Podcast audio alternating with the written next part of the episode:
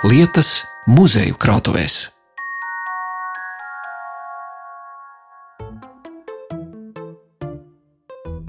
Īsts filozofs nav pesimists, bet dzīvi jautri bauda un priecājas, cik jauda. Vēl mieži laukos kupli briest, vēl netrūkst daļas skuķes, kam patīk, tas var raizes ciest. Es labāk guļu puķēs. Pieniņu dzeltenumā slīkstošs Mauriņš Kalāčos ir laikā, kad ierodos tur rakstīt sarunu ar Eduarda Veidenbauma muzeja vadītāju Andru Ķīsi. Tikko ir saņemta Latvijas muzeja biedrības gada balva par pērn atklāto ekspozīciju Vairāk gaismas, un šajā kalāča ekspozīcijā var aplūkot līdz šim neredzētus muzeja krājumu priekšmetus – Tāpēc kopā ar Andru Ķīsi lūkojam gan stendos izliktos materiālus, gan arī speciāli šim raidījumam sagatavotos krājuma priekšmetus. Veidenbauma dzējoļu norakstus, dzēnieka dienas grāmatu un brāļa Kārļa dokumentēto saimniecības dzīvi. Atļaušos nepārstāstīt Veidenbauma biogrāfiju plašumā, pieņemot, ka cilvēki skolas gados vai dzīves laikā vismaz reizi ir dzirdējuši dzinieka asās, sāpīgās, filozofiskās vai ironiskās dzējas rindas talantīgs, naudas trūkuma dēļ pārtraucis studijas, tuberkulozes pievērēts mirst 24 gadu vecumā, un tikai pēc viņa nāves tiek publicēti dzējoļi. Līdz tam Veidenbauma gara darbi izplatās dažādu cilvēku pierakstos, kuri kladējas burtnīcās blociņos noraksta cits no cita Eduarda Veidenbauma dzējas. Stāstu turpina Andra Ķīse. Tā kā mēs esam personību muzejs, tad, protams, vairāk vai mazāk tie priekšmeti ir svarīgi, kas kaut kādā mērā atklāja cilvēku personību saistībā ar viņu ģimeni vai viņu pašu to, ko viņš ir darījis, vai ar ko viņš ir slavens, kā šī gadījumā Veidenbaums. Un tā pirmā lieta, kas man liekas ir ļoti būtiska, Veidenbauma gadījumā ir norakstu burtnīcas, kādā veidā viņa dzēja izplatījās nu, kas nemaz nav viņa noraksti, rokraksts, bet tas ir pavisam citu cilvēku rokraksts, kur arī ir vairāki mūsu muzeja krājumā šie norakstu, varētu teikt, nu, jā, dzējoļu klāžu vai dzējoļu burtnīcu pieraksti, bet uh, vienu arī mēs esam izlikuši apskatēji. Kā tad tā veidamboma dzēja um, izplatījās norakstos? Šeit ir tā. no norakstiem, kur kādā mm. veidā, tad no nu, viena lapus mēs varam redzēt, kā šie Veidenbauma dzējoļi ir. Es šobrīd tas... neskatos uz Eduarda Veidenbauma rokrakstu. Nē, tas nav Eduarda Veidenbauma rokraksts. Bet vai ir atšifrēts, kam tas pieder, kas to viņa dzējoli ir pierakstījis? Šis ir jā, viens no vecākajiem norakstiem. Tas ir no 1892. gada. Nu, tas ir apmēram tas pats laiks, kad arī Veidenbaums šie rokraksti sāk sabiedrībā izplatīties, jo viņš mirst maijā 892. gada, un pēc tam, tad, cik zināms, tā burtnīca ir gājusi no rokas rokā. Un šī klāda ir atrasta priekulis Asītes pagasta apšumājās. To lai Gēvalds Kuršinskis, rakstnieka Andreja Kurcija brālis, ir šo pierakstījis. Tur ir ne tikai veidambauma dzējoļi, tur ir arī teikas, nostāsti, šādi tādi citi citāti, un visam arī pa vidu tātad veidenbauma 58 dzējoļi. Nopietnu ģīmi, kas jautrībā taisa, vērmeles vīnam klātu tas maisa Tādam es vēlu, kad gulēt tas dodas, citam tā mīļākā rokās lai rodas. Nu, šis laiks vēsta par to, ka nu, veidojuma dzējoļi vēl nebija iespiest nekur. Tātad tas ir tiešām norakstīts no Vai nu tas ir no oriģinālā Veidenbauma rokrakstu burtnīciņas, vai jau no kāda noraksta pārrakstīts, no kāda noraksta cita. Jo, nu, kā stāsta, šie noraksti izplatījās. Cilvēks pārrakstīja, deva tālāk, un atkal tos savus norakstītos deva atkal savam kaimiņam vai draugam. Man jāsaka, žēl, ka tolaik nebija Twitter un Facebook. Nu, tāpēc jau mēs jauniešiem, lai paskaidrotu, kā tas viss darbojās, viņiem varbūt reizēm ir grūti saprast, nu, kā vienkārši ņēma norakstīt, un cik tas ir svarīgi un būtiski. Nu, tad mēs sakām, tas ir tāpat kā šobrīd ar šiem influenceriem, vai nu, kā nu, viņus katrs sauc. Ietekmeļi. Jā, jā, jā. Nu, bet tur Blogeri. ir daudz vienkāršāk. Tu vari nokopēt, tu vari nošērot, nolaikot un dažādi un izplatīt un pieņemt šo dzīves stilu vai viņu sacīto, kā nu, īstenot dzīves patiesību. Tā tolaik visi pārakstīja šo veidambaumu, un kā arī lasīja un mācījās no galvas un citēja. Nu, tieši tāpat viņš ietekmēja tā laika uzskatus, jauniešu domas, sabiedrības noskaņojumu. Nu, tā tas bija. Tu par to liecina šie noraksti. Man ir vesela mapīte ar šiem. Aha, norakstiem. jūs esat sagatavojis jau te ir krājuma priekšmeti, ir sagatavoti. Jā, nu, nu, nu šie, šis, piemēram, nāk no vecpiebalgas. Uzraksts ir vēl paklāde. Jā, tā. tas ir atrasts vecpiebalgas celmos. Velpulīzes mantās. Vai cik skaists nu, rokraksts, cik akurāts. Tas ir blociņš līnija lapām. Un tā, kurš gads tas ir? Tas tā gluži nu, vecā. Konkrēts ne. gads tas nav bet, minēts, bet, eh, bet katrā ziņā. Gadsimtu mija varētu jā, būt. Tā ir gadsimta. 19. Mija. Muzeja vadītāja rāda citu pēc citas lapas ar pierakstītiem Veidenbauma dzējoļiem. Skaidrā rokraksta īpašniece Līza Velpa, kā var lasīt Cēsu centrālās bibliotekas interneta mājaslapā, ir bijusi šuvēja, literāte un sabiedriska darbiniece, savulaik rakstījusi joku lugas un tēlojumus. Nākamais noraksts pieder kādam kultīgas skolotāju semināra audzēknim. Nākamais jūs izceļat ārā atkal apdzeltējušas lapas, kur ar tumšu tinti. Kelmera noraksts viņš saucās, un tad to ir atdevuši kādreiz 79. gadā viņa radinieki. No, nu, viņš tajos 90. gados ir mācījies, un arī te ir kaut kas cits. Te ir Veidenbauma dzējoļi, Bet tās ir kaut kādas veidlapas. Tā, jo te ir krievu valodā rakstīts pārdodamā priekšmetā apraksts un mm. numurs, rubļi un kapeikas, kādas cenas. À, višaja predlaženaja cena. Mēs par kādu utrupi runājam, varbūt Var... augstākā piedāvājumā jā, nu, cena. Tur bija tur rakstīts, par cik viņš mācījās tajā skolotājas seminārā, tie ir vienkārši arī viņa vēl pieraksti citi. Nu, ar šo es gribēju parādīt, ka šīs kladītes ir ļoti dažādas. Kā jūs redzat, te ir uz kādām veidlapām, tur bija ļoti skaisti un kārtīgi ierakstīts. Tur savukārt arī, kā es teicu, vēl būtu, ja mēs šķirstītu teikas nostāsti un citas tēmas klāt, nu šeit arī ir citi pieraksti vēl. Nu, Veidambāms nāk kopā ar visu to ikdienu un sadzīvi, bet tomēr viņš kaut kur tiek pierakstīts. Nu, tā tad ir tā viena tēma, tie noraksti, kuriem pateicoties mēs vispār zinām Veidambāmu patiesību sakot. Kas zina, kā būtu bijis, ja nebūtu bijuši šie noraksti. Pirms turpinām skatīt priekšmetus saistītus ar dzinieka personību, ir jāpiemina citi Veidenbauma ģimenes locekļi, kuriem var pateikties gan par Eduarda skološanos, gan arī vēlāk par viņa piemiņas saglabāšanu. Tēvs Jēkabs mirst, kad sešu bērnu ģimenē vecākajam dēlam Kārlim ir vien 14 gadu un Kārlis ir tas, kas nu ir spiests uzņemties kalāču saimniecību uz saviem pleciem. Pieaugot, viņš izveidojas par prasmīgu saimnieku un arī finansiāli pabalsta jaunāko brāli Eduardu, palīdzot tam sekt mācību maksu. Kārlis uzsāka saimniekošanu šajās mājās, tad, protams, atkal vajag iekopšanas darbus, jo kādu laiku māja ir izrentēta citiem cilvēkiem. Veidemam tepat dzīvo, bet nu, saimnieki vēl nav, jo Kārlis vēl nav pilngadīgs pēc tēva nāves kādu laiciņu. Un eh, tā tad ar 1886. gadu var sākties saimniekošana, un tad ir saglabājušies Kārļa dažādas piezīmes. Tad mēs zinām, ka piemēram uz 87. gadu ir kādas ēkas bijušas šajās mājās, kāda viņām ir jumti, kāds ir lielums, kāda viņas ir būvētas un kāda ir saglabātība. Tā mājām, es mēģinu tagad, no... kas tur te augšā raksta. Tur ir kalats mājas ēku nozīme.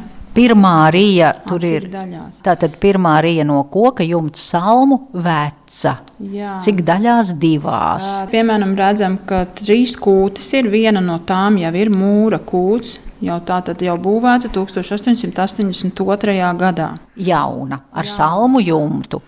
Otrā kūts ir koka. Rakstīts veca, trešā arī koka ar salmu jumtu, un tur ir pierakstīts vidēja. Protams, tas nav vienīgais. Ir redzēts, kā viņš plānos, kā tur tiks apsaimniekots.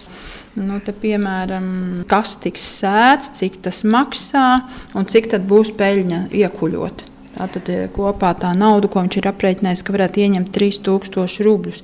Bet tad viņš atkal tālāk rēķina par to, cik kalpi ir vajadzīgi.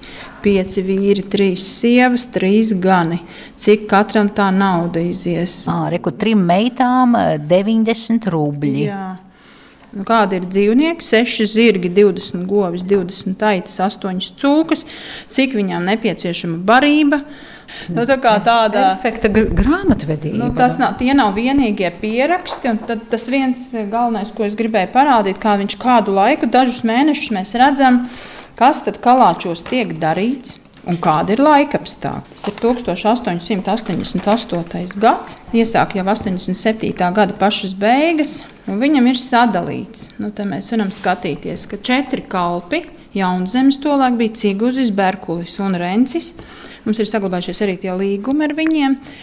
Un te ir tie laikapstākļi, ko viņš raksta. Vai arī, ja kaut kur ir braukts, vai kaut kas darīts, vai kāds ir atbraucis ciemos, tad viņš pieraksta. Māla līnus, laiks skaidrs un salds. 21. un 22. janvāris. Te mēs varam redzēt, ka viņš ir rakstījis, piemēram, Jaunzemes 13. janvārī aizveda Eduardu uz tērbatu. Tātad kalps tam- ir aiz, jā. aiz, iejūts zirgu un aizvedis brāli. Jā, uz tērbatu. Tātad, un pēc divām dienām, 16. viņš brauca mājā. Jo divas dienas apmēram bija līdz tērbatai, divas atpakaļ. Nu, tad tā sanāk, ka 13. viņš aizved un 16. viņš atgriežas. Nu, tā kā nu, līdz pat aprīlim, tas ir jā, aprīļa beigas, līdz pat aprīļa beigām mums šie visi mēneši būtu zināmi, kas tika darīts, kas atbrauc ciemos. Pirms jauno gadu atbrauc ciemos Zālītis un, un Šmits. Zālīts, Pēters Zālīte bija Edvards Veidenbauma draugs, kas Rīgā dzīvoja. Nu, viņš mm -hmm. bija ciemos. Jauna gadā, tas ir tieši 1. janvārs. Ne, bet redzi, tad mums- es vēl kaut kāds paralēls, paralēls, ah, nē, Edvardam Veidenbaumam tas rokraksts, maigi izsakoties, ir mākslinieckāks. Bet kaut kādas līdzības var vilkt. Viens ir mums ir bijis dzējnieks, un otrs atkal eh, uz zemes stāvošs saimnieks. Jā. Kurš arī rakstīja dzēju? Jā, arī Kārlis rakstīja dzēju. Viņam arī gribējās būt dzējniekam. Es domāju, ka Kārlis pat varbūt bija lielāks sapņotājs nekā Edvards, bet reālā dzīve viņu nolika pie vietas. Viņš gribēja kļūt par jūrnieku. Bet viņam bija tuberkuloze jau no bērnības, un viņš, diemžēl, nevarēja iet skolās mācīties, lai varētu kļūt par jūrnieku. Un tāpēc viņam bija tas pienākums kļūt par saimnieku. Viņš arī tiešām apzinīgi neskatoties uz savu slikto veselību, veica. Kā ir stāstīts, ar kalpiem kopā negāja darbos, nu, jo viņam tā veselība bija švaka. Bet to, ko viņš darīja, nu, mēs redzam tajos atstātajos pierakstos, ka viņš tiešām ļoti rūpīgi plānoja, cēla jaunas sēkas. Viņš kādu brīdi arī bija mūrmuļs pagasta vecākais. Viņš kādu brīdi arī paņēma tepat blakus esošo bērnu krogu nomā, lai nu, tiešām domājot par peļņu. Viņš uzbūvēja ēkai piebūvi. Šī ir tēva būvētā daļa, bet blakus uzbūvēja Kārlis. Kad kļuva par saimnieku, arī var atrast pierakstus, kā viņš to ir plānojis un domājis, cik gadu laikā tas atmaksāsies. Ja varēs paņemt īrniekus, tad viņš bija plānojis pavasarām izīrēt šo ēku. Nu, tā kā lielisks grāmatvedis, arī saimnieks. Pēc Kārļa nāves Kalāčos saimnieko māsas Jūla un Karlīne ar savām ģimenēm. Karlīnas vīram, fotogrāfam Jūlijam Lustem, ir tuva mūžībā aizgājušā svaiņa daļrade, un viņš savulaik no iznīcināšanas ir izglābis kalāču klētiņu un fiksējis daudzās fotografijās šīs saimniecības dzīvi. Ir tāds īpašs stāsts par viņas vīru, un kāpēc man to gribētos pieminēt. Jo Jūlijas Lusta, viņas vīrs, ir arī tiešām nozīmīgs šī veidambona piemiņas saglabāšanā, jo sākot ar to, ka 11. gadā izceļās strīds šeit Kalāčos, ka jūla ir sadalīta zeme divās daļās. Viena ir jūlas ģimenei, māsai vienai un otrai māsai. Karolīnai ir otra daļa, un jūlas daļā ir klētiņa Edvards, kur Edvards ir vasarās mācījies. Un jūlas vīrs to grib nojaukt. Bet Karlīnas vīrs saka, ka nē, ka šī piemiņa ir jāsaglabā. Viņš bija ar mieru pārlikt, klētiņu pārcelt savā daļā, un tam māsas vīram uzbūvēt jaunu klēti vietā. Un kas arī notika, tur, kur šobrīd atrodas mazā klētiņa, Veidenbaum, tā ir tā vieta, uz kurieni viņš pārcēla šo veco klētiņu. To, ko viņš uzbūvēja, nu, tā gan vairs nav saglabājusies. Bet nu, tādā veidā viņš uzskatīja, ka jāsaglabā Eduarda piemiņa. Vēl kas ir būtiski, ka viņš ļoti daudz fotografēja kalāčus. Nu, sākot no 9. un 10. gada, viņa radinieki ir Lustes nu, brāļi. Tad ir arī fotografi, Masalacā, zināmi fotografi. Un tad līdz ar to arī šeit ir viņš bijis fotogrāfs. Arī viņu, es domāju, var pieskaitīt pie etnogrāfiskiem fotogrāfiem, jo viņš ir iemūžinājis dažādus kalāču darbus, kas šeit ir noticis, kā piemēram ābolu lasīšana, sienu pļaušana, cūku ganīšana, goju ganīšana un vēl visādi citādi darbi un ar ko man viņš liekas ļoti būtisks. Un, un tāpēc viens no priekšmetiem, kas man likās saistīts ar šo jūliju, ir vienkārša maza rokas izmēra bībelīte, kas ir piederējusi viņa tēvam. Neliela. Bet kas ir būtiski, kā raksta viņa meita Biruta, šo bībelīti viņš ir nesājis līdzi Pirmā pasaules kara laikā, kad viņš ir bijis frontes fotogrāfs. Viņš ir fotografējis un šo bībelīti vienmēr nesājis līdzi. Tas man liekas ļoti tāds - kabatas formāts izdevums. Jā, jā mūsu Kunga Jēzus Kristus, jeb Dieva svēti vārdi. Jā. Bet, nu, kāpēc es gribēju pieminēt, nu, ka šī man likās ļoti tāda, nu, ka ģimene ir saglabājusi šo stāstu. Un, jā, nu, tiešām arī paskatoties tās fotogrāfijas, man liekas, ka tiešām būtiski, ka viņš ir mm, iemūžinājis kalāču. Ne tikai dažas, nu, te ir tās fotogrāfijas, kur mēs varam redzēt, nu, tie ir tie desmitie, divdesmitie gadi šeit Birutu savu meitu sākot no 1912. gada. Viņa piedzimst 12. gadā. Katru gadu dzimšanas dienā, jūnija sākumā viņai ir dzimšanas diena, un viņš ir viņu fotografējis.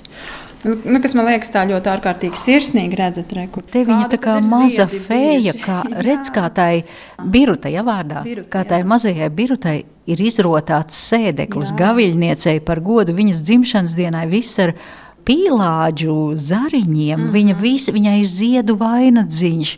Un mati gari izlaist. Viņa tiešām pēc tādas mazas meža, meža fējas izskatās. Ļoti skaisti, jā, un te ir vēlāk, nu arī citos laikos, ne tikai jūnijā, viņš smēja tur fotografējis. Nu, bet, eh, kā es teicu, te mēs varam saprast, ka kalāčos ir bijuši, piemēram, ābolu žāvētavi. Viena fotografija, kas mums par to stāsta, ir kur bērni ar āboliem. Tad viņš šajos gados dēļu mājiņa ar mm -hmm. šķindeļu jumtu un dūmenītis. Jā. Tad mēs zinām, vietu, bet mēs nezinām, kā viņi darbojās un kā tas bija. Šeit atkal no dīķa puses var redzēt, kur vēl nav uzcelta mašīna māja bet tur ir liels malkas kaudzes, arī varam redzēt. Nu, tā, tā, tāda mhm. ikdiena, jūlijas šo visu fiksēja, kas man liekas ļoti būtiski un par kalāčiem daudz pastāst, kā par tiešām skaistu saimniecību iekoptu.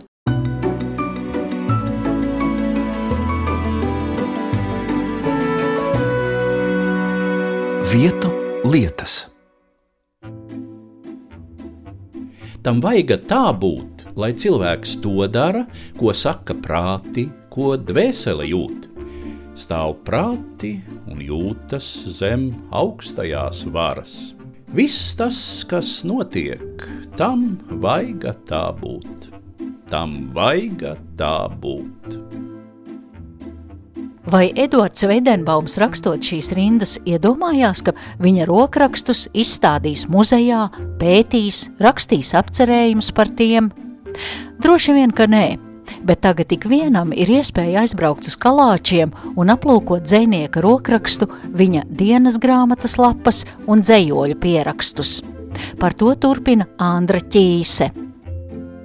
Nākamā lieta, man liekas, kas atklāja ļoti labi cilvēku personību, ir viņa piezīmju blociņi vai viņa piezīmju grāmatiņas.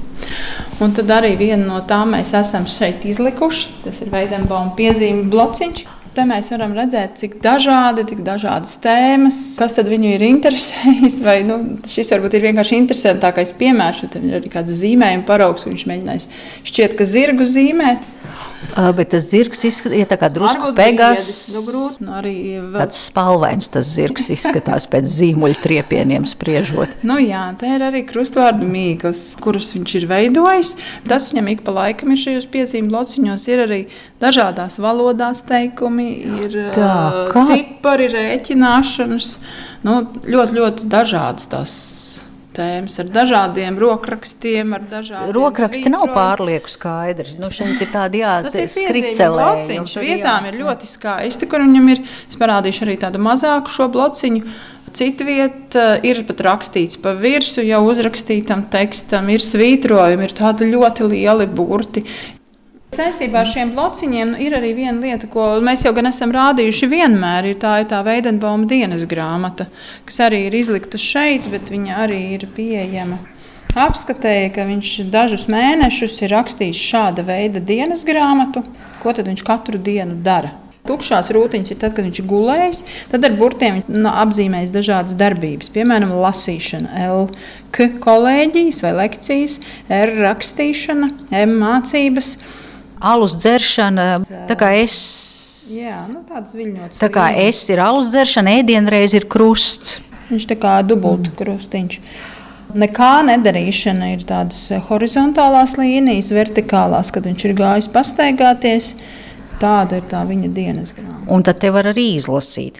25. februārī 1890. gadā, kad Edvards Veidenbaums iesāk dienas grāmatu vēstulē mainiekiem Kalāčos, viņš raksta, dzeršana tagad ir atmesta un tiek uzcītīgi strādāts. Nu, viņš bija apņēmies Jā. dzīvot labāk, darīt eh, pēc iespējas vairāk, pierādīt savas spējas.